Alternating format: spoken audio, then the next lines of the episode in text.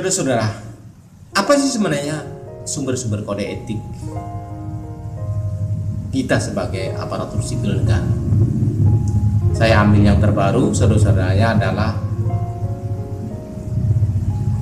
Peraturan Pemerintah Nomor 42 Tahun 2004 tentang pembinaan jiwa kops dan kode etik pegawai negeri sipil.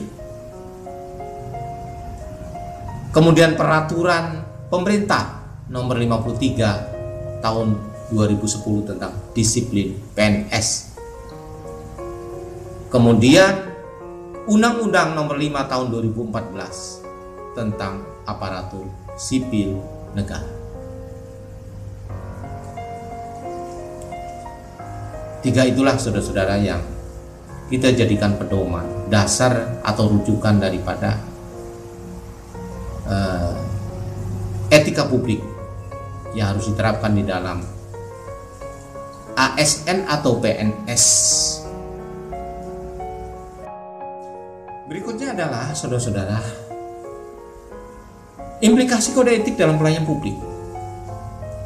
Kode etik mencoba merumuskan nilai-nilai etis luhur ke dalam bidang tertentu. Dalam hal ini, pada tugas-tugas pelayan publik. Tentu saja kode etik sekedar bukan hanya sekedar merupakan pedoman bertindak yang sifatnya eksplisit mengenai pelaksanaan dalam perilaku nyata, tetapi tergantung kepada niat baik dan sentuhan moral yang ada dalam diri pegawai atau pejabat itu sendiri. Tergantung kepada hati Karena kode etik itu dirumuskan untuk menyempurnakan pekerjaan di sektor publik, menyegah hal yang buruk, dan untuk kepentingan bersama dalam organisasi publik setiap pegawai dan pejabat diharap menaatinya dengan kesadaran yang tulus. Saudara-saudara, kita akan membahas pokok pokok bahasan aktualisasi etika aparatur sipil Saudara-saudara, kita sudah berbicara konsep, peraturan, ya, filosof, filosofisnya. Sekarang kita akan berbicara mengenai bagaimana pelaksanaan atau implementasi etika aparatur sipil negara.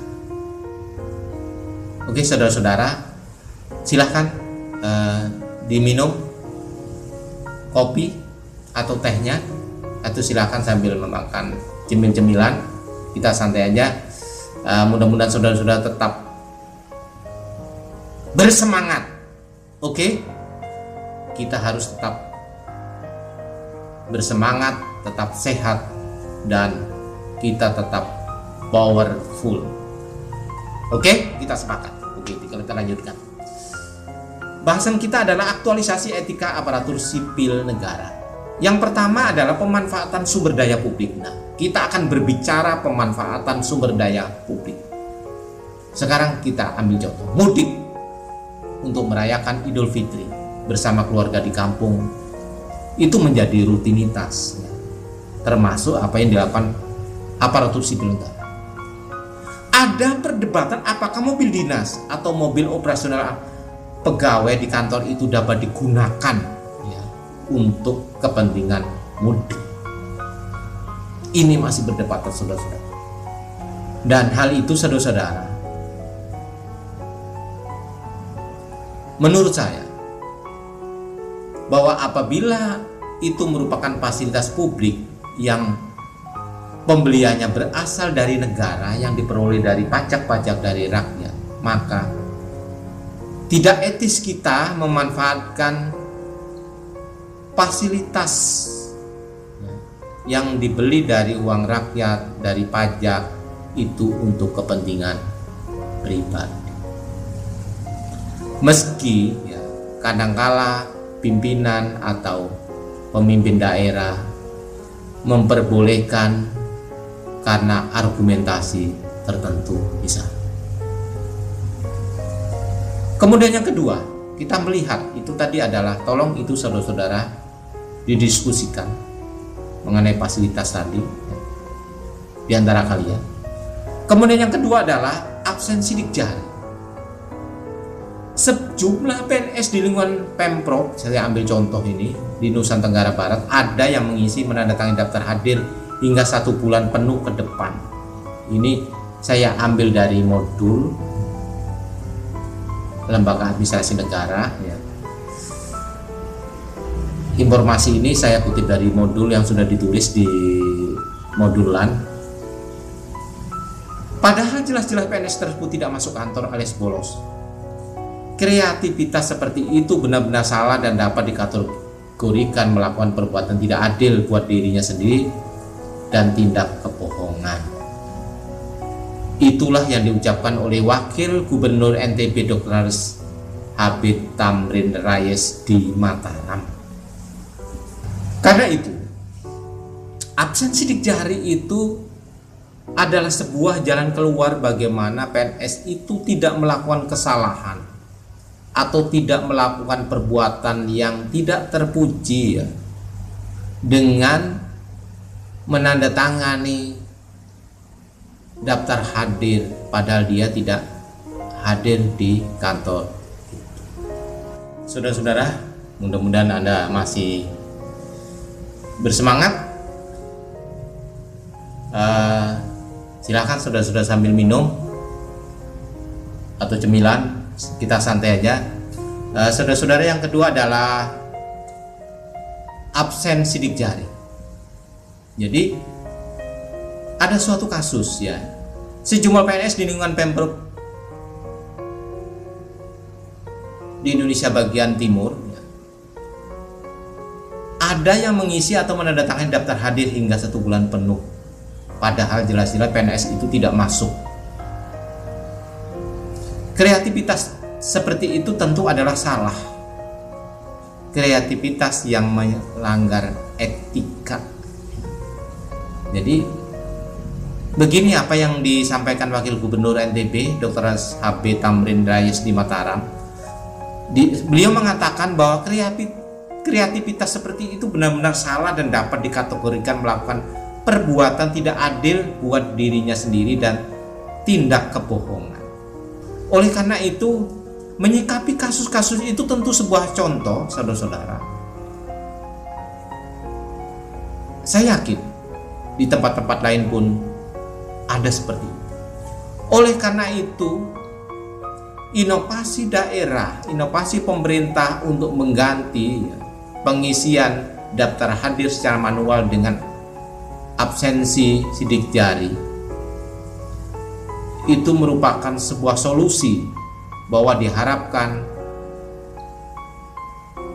PNS itu dapat hadir tepat waktu. Karena apabila mereka tidak hadir, maka mereka tidak akan bisa uh, mengisi absensi sidik jari. Dan ini adalah langkah yang tepat untuk menjaga kedisiplinan BNS atau ASN. Berikutnya adalah uh, penerimaan tenaga honorer. Menteri Pendayaan Aparatur Negara dan Reformasi Birokrasi mengatakan bahwa masih melihat banyak pengangkatan pegawai negeri honorer yang diwarnai dengan nepotisme. Ini menjadi salah satu faktor yang membuat sistem rekrutan CPNS dan birokrasi Indonesia masih bermasalah. Kemudian pemberian hadiah atau cindera mata. Sebagai guru yang sudah berpengalaman lebih dari 20 tahun, Ibu Mawar, bukan nama sebenarnya, menjadi salah satu guru favorit bukan hanya bagi murid-muridnya tetapi juga bagi orang tua murid di salah satu sekolah dasar negeri di sebuah kota tidak mengherankan apabila setiap kali penerimaan rapor kenaikan kelas, banyak orang tua wali murid yang memberikan hadiah berupa kerudung, sarung, taplak meja, atau peralatan dapur kepada Ibu Mawar. Orang tua murid memberikan hadiah kepada Ibu Mawar secara sukarela dan tulus hati sebagai ucapan terima kasih karena sudah mendidik anak-anak mereka dengan sangat. Jadi itu adalah saudara bahwa budaya memberi itu di dalam konteks etika publik saudara-saudara kita ini sudah digaji oleh pemerintah. Semua hal yang kita dilakukan yang kita lakukan apakah kita mengajar mendidik ya, memberikan pelayan itu sudah dibayar oleh karena itu tidak etis bagi kita apabila kita menerima pembayaran kembali dari masyarakat nah berarti ini kan terjadi double pembayaran ini sebenarnya yang tidak boleh dilakukan oleh PNS atau ASN. Meskipun itu merupakan ucapan terima kasih, ya. Oke, bagi saya ucapan terima kasih ya diucapkan aja. Tidak perlu di uh, dengan benda-benda.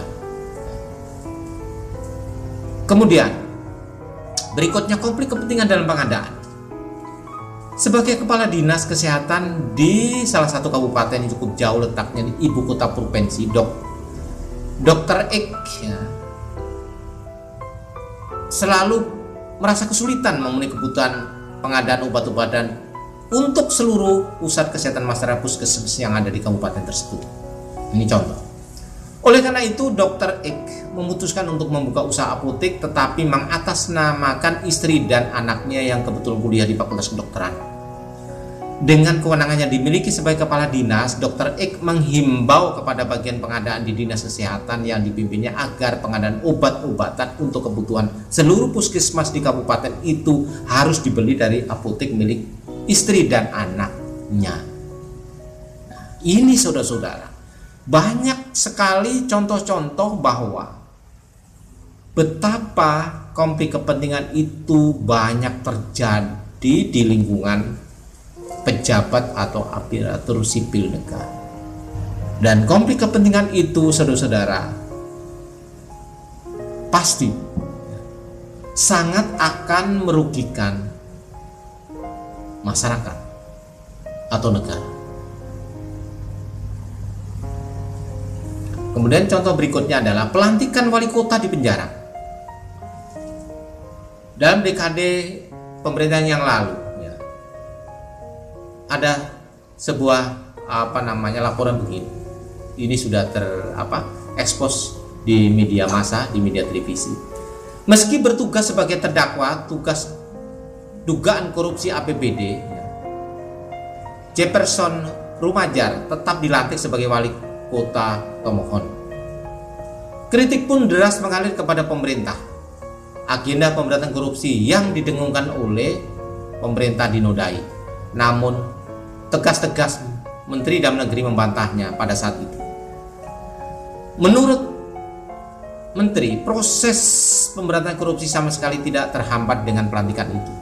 Mendagri menilai, pelantikan itu sudah sesuai aturan Selain itu pelantikan sama sekali tidak mengubah proses hukum yang tengah berjalan.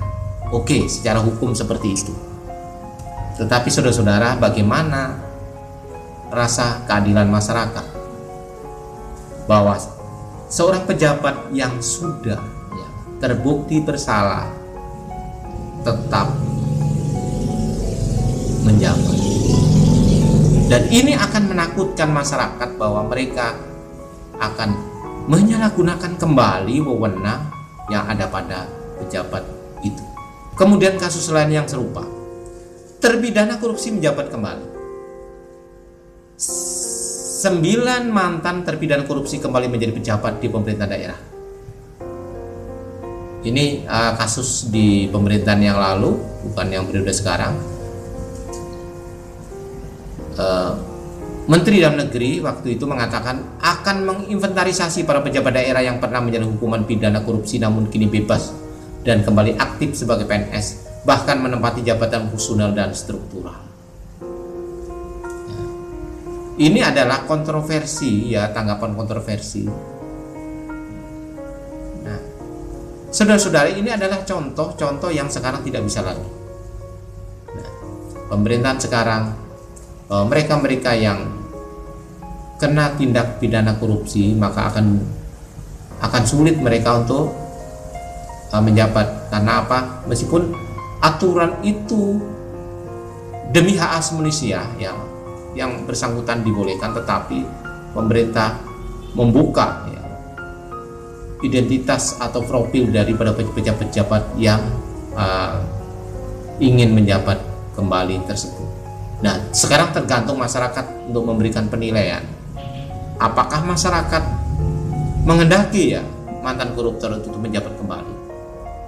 Nah, ini kita kembalikan kepada masyarakat. Kemudian kasus yang unik lagi atau wis adalah whistleblower atau membocorkan informasi yaitu orang membocorkan rahasia kegiatan tindak pidana korupsi kepada pejabat yang berwenang. Ini sebut saja namanya EW, Kepala Sub Kelompok Registrasi di Balai Pelestarian Peninggalan Purbakala, Jawa Timur. Secara mendadak dipindah tugaskan ke Museum Trinil di Kabupaten Ngawi, Jawa Timur. Alasan pemindahan itu karena EW dianggap telah membocorkan informasi tentang pembangunan pusat informasi. Saudara-saudara, tentu orang ini berjasa bagi negara. Karena apa? Karena dengan membocorkan ya tindak pidana korupsi itu akan menyelamatkan keuangan negara. Tetapi apa yang terjadi? Ini adalah sebuah kasus pihak-pihak yang mungkin merasa dirugikan dia akan menggunakan wewenangnya untuk bagaimana uh, melakukan tindakan agar yang bersangkutan itu tidak membahayakan dirinya. Ini adalah fakta yang terjadi. Terus kemudian saudara-saudara, di tengah situasi hal-hal yang memalukan, ya, hal-hal yang menyedihkan kita sebagai masyarakat, contoh-contoh yang sudah saya sampaikan terdahulu. Kita ingin melihat sebuah contoh mungkin karena ini uh, tidak ada di saya ambil dari negara lain. Mudah-mudahan ini bagi uh, merupakan pembelajaran bagi kita, yaitu pengunduran diri pejabat Perdana Menteri Korea Selatan Chung Hong Won pada hari Minggu 27 April 2014 yang lalu mengundurkan diri dari jabatannya terkait tragedi tenggelamnya kapal feri Sewol yang mengakibatkan ratusan orang penumpangnya tewas. Nah, itu yang berita itu pada saat itu begitu viral di media massa. Ya. Apa yang dilakukan? PM Korea Selatan mundur. Mereka sangat sedih, mereka sangat menyesal bahwa kejadian itu berada pada saat dia sebagai kepala pemerintahan. Kemudian apa yang dilakukannya? Dia mengatakan, "Saya minta maaf karena saya tak mampu mencegah terjadinya kecelakaan ini dan tak mampu bertanggung jawab dengan layak sesudah tragedi ini terjadi." Itu kata Hong Won. Luar biasa. Itu sebenarnya yang kita tunggu para pejabat kita apabila ada terjadi kegagalan di wilayah kerjanya. Kemudian berikutnya adalah kembali ke Indonesia. Melanggar hukum. Asisten tiga sekda kabupaten di sebuah kabupaten di Jawa. Yang berikutnya, tadi saya berbicara mengenai contoh etika yang baik dari Korea Selatan ini saya ambil dari dalam negeri. Penegak hukum yang jujur. Saya ambil contoh Bapak Profesor Dr. Baharudin Lopa. Lebih kurang 29 tahun tatkala mendiang Profesor Dr. Baharudin Lopa masih menjabat sebagai Kepala Kejaksaan Tinggi Sulawesi Selatan. Panggung hukum Indonesia geger oleh munculnya sosok Lopa yang jujur, anti korupsi, dan nyali bak harimau. Ia tidak kenal warna abu-abu. Sebab bagi dia warna itu hanya hitam dan putih, benar atau salah. Ini saudara-saudara yang dicari sosok-sosok seperti ini masa sekarang. Supaya apa? Supaya masyarakat itu ada rasa keadilan karena disebabkan ada sebuah kepastian hukum yang ditegakkan di Republik ini. Saudara, dari materi yang disampaikan dari awal sampai akhir tersebut dapat disimpulkan bahwa etika publik adalah refleksi tentang standar atau norma yang menentukan baik atau buruk, benar atau salah perilaku, tindakan dan keputusan untuk mengarahkan kebijakan publik dalam rangka menjalankan tanggung jawab pelayanan. Etika merupakan sistem penilaian perilaku serta keyakinan untuk menentukan perbuatan yang pantas guna menjamin adanya perlindungan hak-hak individu. Mencakup cara-cara dalam pengambilan keputusan untuk membantu membedakan hal-hal yang baik dan buruk serta mengarahkan apa yang seharusnya dilakukan sesuai nilai-nilai yang dianut. Kode etik adalah aturan-aturan yang mengatur tingkah laku dalam suatu kelompok khusus. Sudut pandangnya hanya ditujukan pada hal-hal prinsip dalam bentuk ketentuan-ketentuan. Itu saudara-saudara. Mudah-mudahan uh, materi ini bermanfaat bagi saudara-saudara semua. Saudara-saudara, demikian yang dapat saya sampaikan. Mudah-mudahan saudara-saudara selalu dalam keadaan sehat dan tetap bersemangat. Demikian, wassalamualaikum warahmatullahi wabarakatuh.